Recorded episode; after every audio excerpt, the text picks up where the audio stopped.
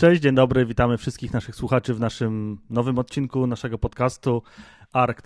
Dzisiaj porozmawiam bardziej technicznie. W podcaście witamy Łukasza Szmolkę, który pracuje już u nas od jakiegoś czasu. Jest senior software developerem, ale myślę, że Łukasz najlepiej sam siebie przedstawi i powie coś więcej o sobie, czym się zajmuje, jak rozpoczynał swoją karierę i jak do nas trafił. E, cześć, tak jak Paweł powiedział, jestem senior software developerem, głównie zajmuję się backendem i Java. E, miałem już w swojej karierze też chwilę styczności z frontendem i z Angularem, no ale głównie jest to mimo wszystko e, aktualnie Java i, backend i wszystkie jakby technologie są związane. Swoją przygodę z programowaniem zacząłem 9 lat temu na studiach. Od 6 lat komercyjnie pracuję, to już moja trzecia firma. W Arku pracuję od. W Ark Software, przepraszam. Pracuję e, od zeszłego roku, od e, lutego. E, no i mam nadzieję, że ta współpraca dalej się, że tak powiem, będzie układać. Też mam taką nadzieję, patrząc na Twoją wiedzę, za chwilę myślę, że słuchaczom przedstawisz. Też mogę potwierdzić, że, że mamy nadzieję, że ta współpraca się będzie dłużej układać. Dzisiaj podcast jest bardziej techniczny. Porozmawiamy sobie o Kafka streamach, ponieważ tytuł naszego podcastu dzisiaj jest no właśnie, w sumie takiego dokładnego tytułu podcastu nie wymyśleliśmy, ale generalnie tytuł e, może, może być po prostu e, jakby rozwiązanie Kafka i z czym to się ma, jakby czym, czym są, jakie są różnice między taką kawką, a nie wiem, zwyczajnym message brokerem, kiedy używać kawki, kiedy może lepiej nie używać, no i tak sobie na luźno po prostu na ten temat porozmawiamy. Myślę, że najciekawszą częścią i tak będzie końcówka naszego spotkania dzisiejszego, bo porozmawiamy o konkretnej implementacji z bazą danych SQL, co myślę, że zachęci wiele osób, e, aby dosłuchać do końca, w jaki sposób używać kawki z bazą danych SQL, e, z czym to się je i w ogóle jak to można połączyć, bo dla wielu, na przykład dla mnie również, e, ten temat jest bardzo odległy sobie, czyli SQL i kawka, ale zaraz zobaczymy, czy można to połączyć. No tak, więc przejdźmy teraz do omówienia samej kawki, więc zacznijmy od tego, w jakich sytuacjach się stosuje kawkę. E, czy stosuje się ją tylko do komunikacji asynchronicznej między mikroserwisami, jak większość osób uważa, czy może kawka ma też e, wiele innych zastosowań? Tak jak Paweł powiedział, kawkę stosujemy do asynchronicznej wymiany informacji. Ja bardziej kawkę lubię nazywać takim platformą strumieniową e, eventów niż message brokerem zwykłym i też tak to się powinno używać e, z tego względu, że Kafka ma bardzo dużą przepustowość informacji. Korzystamy z niej głównie w takich e, use case'ach nietypowych, e, jak mamy na przykład, nie wiem, serwis powiedzmy orderów, czy tam zamówień, po polsku jakby to tak mówię, czy mogę czasami po angielsku mówić coś, bo mi będzie brakowało polskich słów, ale myślę, że słuchacze, słuchacze będą wiedzieli o co chodzi. Mm, więc po prostu mamy serwis orderów i serwis e, jakiegoś admina i, i wysyłamy te zwy, zwy, zwyczajne y, zamówienia między dwoma serwisami i chcemy je wysłać asynchronicznie, taką wiadomość. Jeśli tylko taki use case y, mamy, no to nie musimy korzystać z, do, do, do, takich rzeczy y, samej kawki, z tego względu, że kawka jest to bardzo rozbudowane narzędzie. Potrzeba trochę czasu, żeby je postawić, bardzo dużo konfiguracji naprawdę ciężko jest ogarnąć wszystko, co jest tam możliwe do skonfigurowania. No i kawkę ja bym użył bardziej w takich e, use case'ach typu, nie wiem, activity tracking, na przykładzie LinkedIna, e, czyli właśnie gdzie mamy jakieś lajki, dużo kliknięć userów, chcemy e, jakoś real time sprawdzać, analizować dane, albo w przykład tutaj w firmie, którego, którego korzystamy, w takim projekcie, gdzie mamy pojazdy i sprawdzamy jakby pozycję tych pojazdów.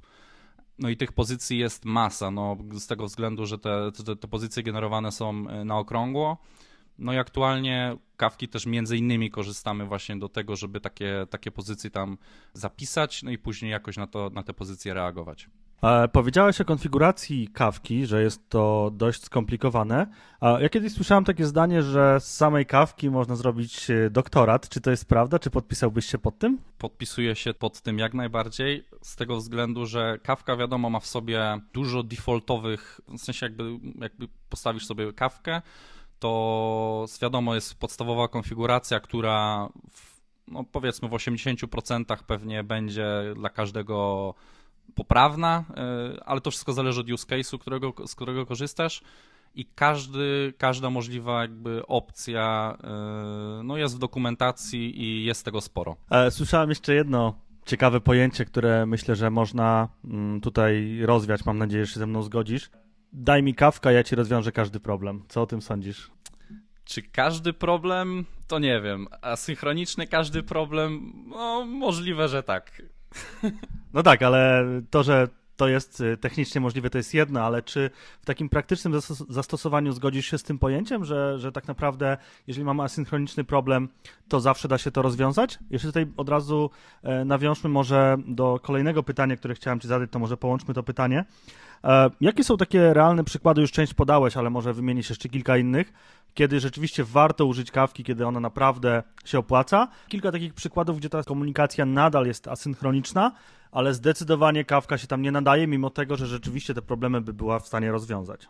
Wiesz co, no to takim e, przykładem, gdzie kawka faktycznie się sprawdzi, no to to jest, tak jak mówię, takie bardziej, chodzi o przepustowość, czyli kawka ma bardzo dużą przepustowość, i kiedy mamy bardzo dużo konsumerów e, i producerów i e, na przykład indeksy giełdowe, czyli jakby gdzie te, gdzie te wartości zmieniają się e, naprawdę bardzo, bardzo szybko i, i tych danych jest masa, no to Kafka to jest takie idealne rozwiązanie do takiego przykładu. No kolejnym może być Internet of Things, gdzie właśnie mamy też dużo urządzeń, komunikacja między nimi asynchroniczna. No ale kiedy ma, na przykład mamy serwis A i serwis B, który chce się tylko komunikować między sobą asynchronicznie, czyli właśnie jak dałem przykład y, tych ordersów i admina, no to właśnie wtedy taka kawka to jest, jak wydaje mi się, przerost formy nad treścią po prostu i, i tyle. Streszczając to w jednym zdaniu, możemy powiedzieć, że jak mamy dużą ilość danych, która napływa bardzo dużym strumieniem, używamy kawki. Jeżeli mhm. tych danych jest mało i to jest komunikacja między tylko dwoma serwisami, to jest to overkill, gdzie o wiele więcej czasu spędzimy na konfiguracji, e, niż rzeczywiście da nam to e, korzyści.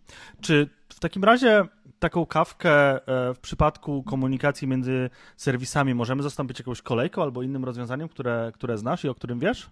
Tak, jest wiele rozwiązań kolejkowych, na przykład y, ActiveMQ lub na WS-ie SQS. I wtedy takie rozwiązanie, znaczy to jakby kawka sama w sobie też można nazwać kolejką. Jest to trochę inaczej rozwiązane, bo de facto tam konfigurujemy topiki i dla nas takim kolejką będzie po prostu tworzenie konsumer grupy, ale to się trochę różni, e, jakby właśnie chodzi o ten overkill, czyli po prostu, żeby, żeby nie, nie, trzeba było konfigurować całej kawki, tylko po to, żeby między dwa serwisy złączyć jakąś kolejką asynchroniczną, nie? Czyli po prostu możemy powiedzieć, że są o wiele prostsze narzędzia, które dla mniejszej komunikacji, o mniejszej przepustowości spokojnie sobie dadzą radę, a kawkę mhm. należy odpalić tylko i wyłącznie wtedy, kiedy rzeczywiście mamy dużego message brokera i dużą powódź informacji. Tutaj płynnie przechodzimy do kolejnej części. Czym różni się kawka od zwykłego message brokera, od zwykłej kolejki? E, gdzie tutaj jest plus kawki? Czym i oczywiście czym się różni w, także w budowie? No to może, może zacznijmy od budowy samej.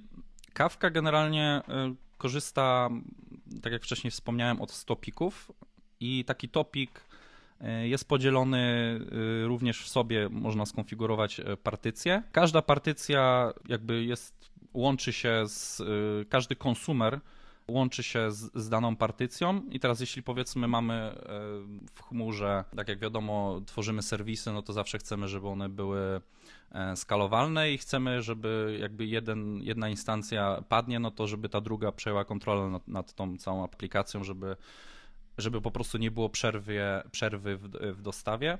E, no więc wtedy tworzymy po prostu w kawce taką consumer grupę, czyli, czyli dajmy na to mamy dwie instancje jakiejś aplikacji, no i mamy powiedzmy cztery partycje na kawce danym topiku, no to wtedy y, każda z tych instancji aplikacji jest odpowiedzialna za dwie partycje. Y, później jeszcze y, wchodzą w grę tak naprawdę wysyłanie danych, czyli, czyli producer. I taki producer dokładnie tak samo łączy się daną partycją, jest to tak zwany partition assigner i jest też wiele algorytmów, które powodują e, jakby, który producer będzie do, do której partycji wysyłał dane. Natomiast defaultowo jest to po prostu e, haszowanie klucza i, i każdy jakby, każda wiadomość e, będzie jakby o tym samym kluczu wiadomość pójdzie na tą samą partycję. Czyli jeśli mamy powiedzmy jako, jako klucz, dajmy na to, mamy te pojazdy i, i powiedzmy ID wikla to będzie klucz, no to wtedy wiadomo, że na tą samą partycję trafią e, te same wikle po prostu, nie? In, jakby inne rozwiązanie delikatniej niż na przykład zwyczajny message broker, że, ta, że to rozproszenie jest po prostu większe i te, te partycje i jesteśmy w stanie jakby bardziej skalować aplikacje. E, brzmi to bardzo skomplikowanie, no nie, nie, nie kłamałeś mówiąc, że rzeczywiście konfiguracja takiej kawki obsługa jest o wiele trudniejsza od zwykłej kolejki. A powiedz mi, w jaki sposób w takim razie skonfigurować taką mm, kawkę, aby działała e, po prostu jak zwykła kolejka pomiędzy dwoma mikroserwisami. Tak, wiem, że oczywiście warto użyć innych e, technologii, ale chciałbym, żebyś pokrył ten use case, w którym rzeczywiście kawka może być użyta jako zwykła kolejka pomiędzy dwoma serwisami. Jakby taka konfiguracja mniej więcej wyglądała i jakby to mogło działać z użyciem kawki.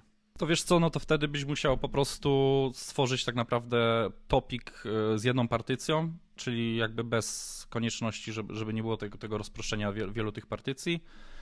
E, czyli by to po prostu topik z jedną partycją e, połączony w te aplikacje, czyli ta twoja aplikacja, powiedzmy jakiś tam aplikacja A, byłaby w consumer grupie nazywanej powiedzmy A i wtedy byłoby wiadomo, że ta aplikacja A będzie, znaczy każdy jakby instancja tej aplikacji, jeśli, jeśli jedna instancja weźmie tą wiadomość, no to druga już tej nie, nie weźmie, bo wtedy jest jakby tam offset jest offset y, na kawce jest zapisywany dla danego serwisu i w tym przypadku będzie to offset dla consumer grupy, czyli po prostu jeden, jedna instancja aplikacji przesunie ten offset do przodu, więc druga instancja aplikacji już tej wiadomości po prostu nie weźmie. Czyli to będzie taka zwyczajna kolejka.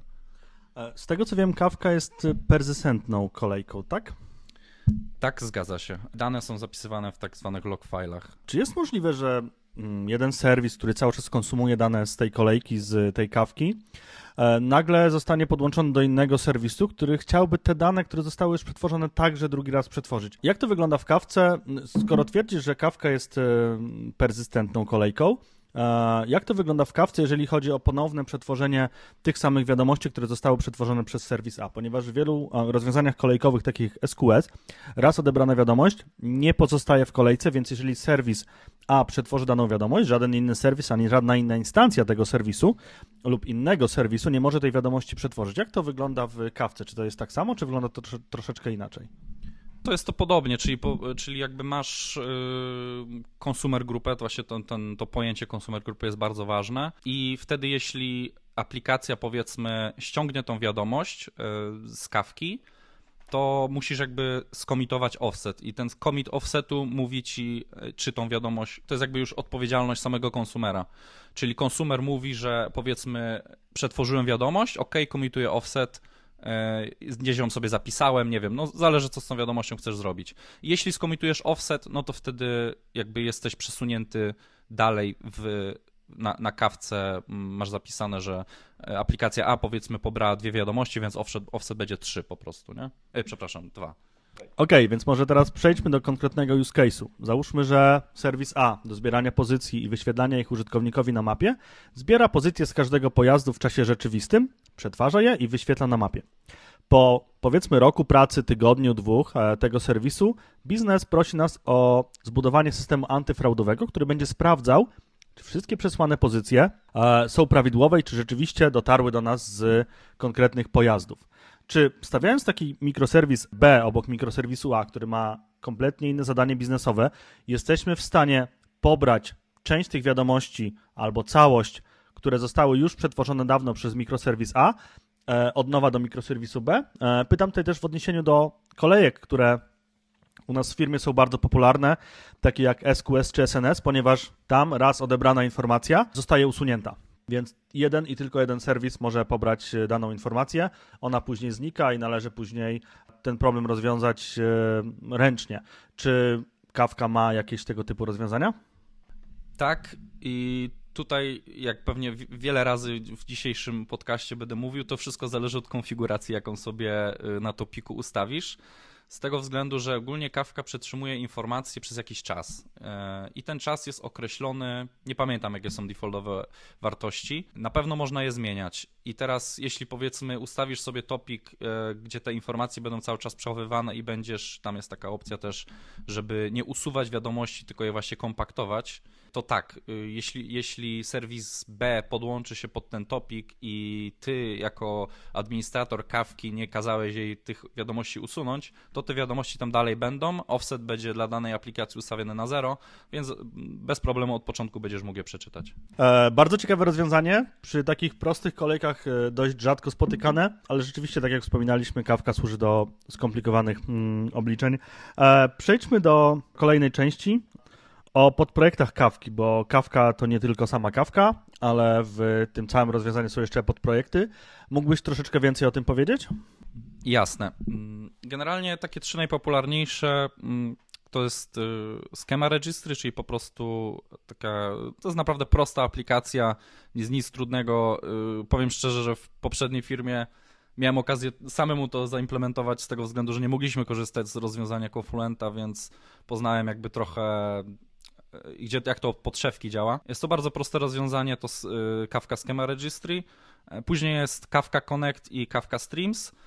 No to może zacznijmy od tego pierwszego, jak już zaczęliśmy. To jest to po prostu rejestracja schemy i generalnie na kawce e, można w różny sposób przechowywać dane. Jednak najpopularniejszym rozwiązaniem wydaje mi się na ten moment jest y, schemat Avro się nazywa. Jest to po prostu schemat w w, takim jakby zbudowany, schemat jest jakby przedstawiony w JSONie i dzięki temu schematowi jesteśmy w stanie taką wiadomość zapisać do po prostu pliku, do, do bajtów. I Y, Kafka Schema Registry działa na tej zasadzie, że wiadomość, powiedzmy, mamy producera, czyli, y, czyli coś, jakąś aplikację, która generuje mi taką wiadomość. Przez firmę Confluent jest napisany mm, już ten serializator, ale generalnie mm, działa to na tej zasadzie, że na początku wiadomości jest ustawiony tak zwany magic byte, e, później kolejną, kolejne cztery pozycje to są po prostu cztery bajty, to jest integer, i ten integer zawiera ID schemy i kolejna, kolejna do końca to jest już po prostu e, wiadomość, którą chcemy wysłać. E, I to jest serializowane do bajtów i takie coś jest wysyłane na początku do schema registry plus z tym, że po drodze jest też cache. Czyli jeśli na przykład zapiszemy mm, taką wiadomość w tym schema registry, to kolejne jakby wiadomości e, jest już, mamy w cache'u jakby ten, ten schemat, więc nie musimy po prostu iść do zewnętrznego serwisu. I po drugiej stronie jest dokładnie tak samo, czyli na początku pierwsze co to jeśli weźmiemy, weźmiemy tą wiadomość, konsumer weźmie wiadomość, na początku sprawdzi czy ten magic byte się zgadza, później weźmie ID schemy, pójdzie do schema registry, chyba że w cache'u już znajdzie ten schemat. Jeśli nie znajdzie, to pójdzie do zewnętrznego restowego endpointu, weźmie schemę, pobierze i po prostu zdeserializuje te bajty e, do zwykłego obiektu. Plusem tego rozwiązania jest to, na przykład w porównaniu do zwykłego JSONa, że my nie, totalnie nie potrzebujemy wysyłać E, jakby kluczy, czyli jakby propertiesów. E, mamy zmniejszoną jakby payload wiadomości z tego względu, że schemat trzymamy zewnętrznie, a JSON jak wiadomo jest to po prostu obiekt, ale no on zawiera też e, nazwę fieldów i tak dalej, więc jakby ta wiadomość jest mniejsza, przez to przepustowość jest większa. Postaram się sparafrazować to, co powiedziałeś, żeby być pewnym, że dobrze to rozumiem. czyli Schema Registry pozwala nam na zarejestrowanie formatu wiadomości, jaki będzie przepływał pomiędzy topikami albo pomiędzy dwoma punktami. Rejestrujemy to w Schema Registry e, w sposób bezpieczny, też sprawdzamy Magic Byte. E, dzięki temu nie musimy za każdym razem, tak jak w JSONie, wysyłać schematu, możemy wysyłać e, pust, suche bajty danych, a Kafka dzięki temu Schema Registry będzie wiedziała, w jaki sposób te bajty interpretować. Plusem tego rozwiązania może być to, że payload takiej wiadomości jest mniejszy i dzięki temu też jesteśmy w stanie sprawdzić e, schemę tej wiadomości, czy została wysłana w sposób poprawny. Czy dobrze myślę? Tak, wszystko ok, tylko jedna rzecz to jakby nie Kafka interpretuje tą wiadomość, bo Kafka tylko po prostu zapisuje te bajty, tylko po prostu konsumer już będzie musiał wiedzieć, jak tą wiadomość odtworzyć. I plusem tego jest to, właśnie to, co powiedziałeś, czyli to wersjonowanie, Czyli jeśli powiedzmy ja stworzę sobie, załóżmy po, po nie wiem, po miesiącu czasu stwierdzę, że potrzebuję kolejny field w tej skimie, to jeśli zrobię to y, z, z kompatybilnością wsteczną, czyli dam powiedzmy opcjonalną e, wartość, to mi nic nie przeszkadza, ja po prostu będę miał skimę o ID2 wtedy i dalej konsumer pobierze tą wiadomość i jeśli handling zrobimy tego nowego fielda, to wszystko będzie ok, w sensie to wszystko się sparsuje i będzie dalej działać. E, czy możemy tego również używać do sprawdzenia poprawności wysłanych danych, że tak powiem, może inaczej, czy możemy tego używać do pewnego rodzaju testów kontraktowych, czyli e, to schema registry, czy może być takim kontraktem pomiędzy serwisem A a serwisem B, jeżeli chodzi o format wysyłanych wiadomości? Wiesz co, nigdy nie korzystałem z tego w taki sposób, aczkolwiek e, wydaje mi się, że jest to do, do zrobienia, bo koncepcyjnie dlaczego nie? No mamy zwyczajny serwis z REST endpointami, no i moglibyśmy po prostu sprawdzać te, jakby te, te, tą skimę, te wersje, no i moglibyśmy to po prostu e, w runtime de facto coś takiego zaimplementować. Ciekawe podejście, to często takiego rozwiązania brakuje w zwykłych systemach kolejkowych. E, wspomniałeś o pojęciu Kafka Connect. Czy mógłbyś coś więcej o tym powiedzieć? Tak, Kafka Connect jest to kolejny jakby podprojekt mm, należący do, do Kawki i polega to na tym, że jakby ogólnie w dzisiejszym świecie y, mamy wiele, że tak powiem, systemów. Naprawdę co chwilę słyszy się, nawet jeśli jesteś już senior deweloperem i już znasz te niektóre, większość systemów, to ciągle wchodzisz gdzieś tam po jakichś e, stronach internetowych i widzisz jakieś nowe rozwiązania i tych systemów jest wiele. No i Kafka Connect jakby pozwala ci na propagację danych, powiedziałbym w ten sposób, pomiędzy e, właśnie systemami, różnymi systemami i są, i Kafka Connect składa się z takich trzech podpunktów. Pierwszy to jest właśnie source konektory, czyli jakby jeśli chcielibyśmy powiedzmy z na przykład z SQL serwera chcemy dane z SQL serwera propagować na kawkę, to wtedy byśmy musieli korzystać ze source konektorów. Sync konektory to są e, de facto to samo, tylko po prostu z kawki chcemy te wiadomości propagować gdzieś dalej, na przykład, nie wiem, do Elasticsearcha, bo mamy jeszcze gdzieś jakąś wyszukiwarkę i no, na przykład SQL Server nie jest najlepszym pomysłem na to, żeby, żeby tam e, wyszukiwanie danych zrobić, więc moglibyśmy po prostu takie dane propagować jeszcze na przykład do Elasticsearcha lub innego rozwiązania.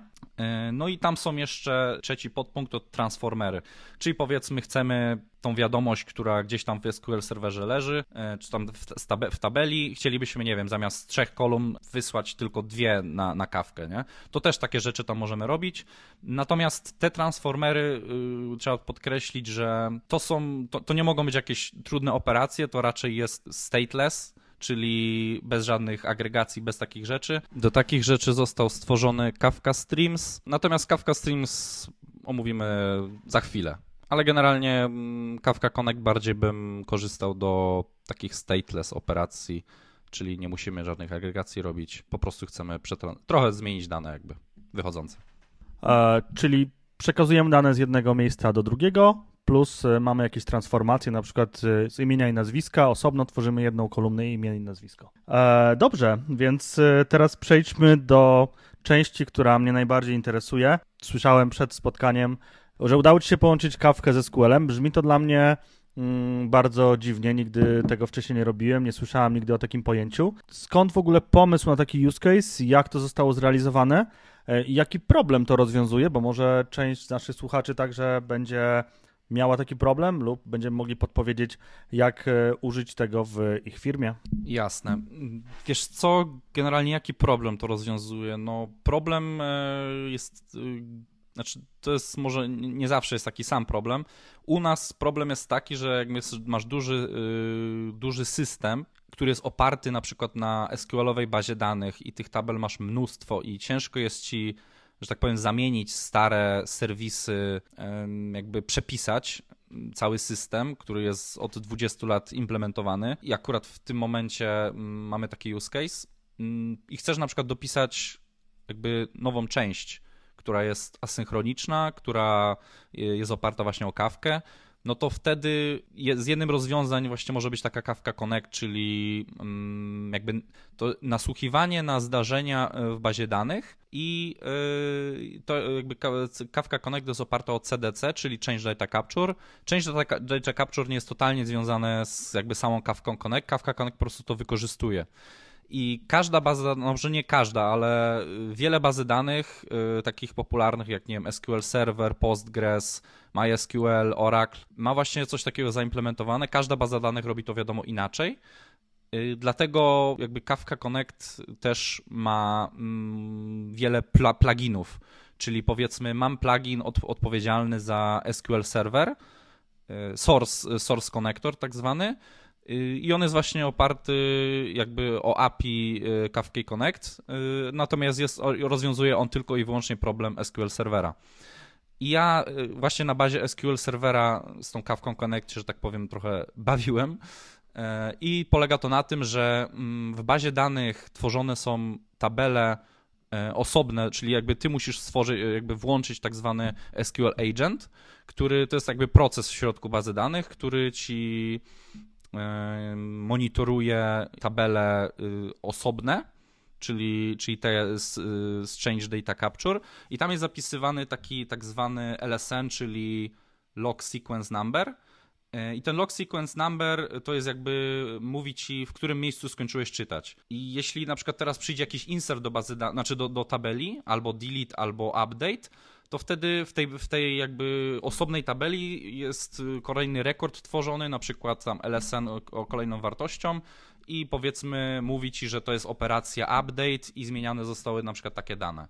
I, i wtedy jakby Kafka Connect na, na bazie tych, tej informacji jest w stanie nasłuchiwać na zmiany i po prostu, i po prostu tworzyć z, z takiej wiadomości eventy na Kafkę. Czyli możemy powiedzieć, że taka Kafka Connect wpięta do bazy danych nasłuchuje na e, jakieś e, nowe zdarzenia w bazie danych typu inserty, typu update'y.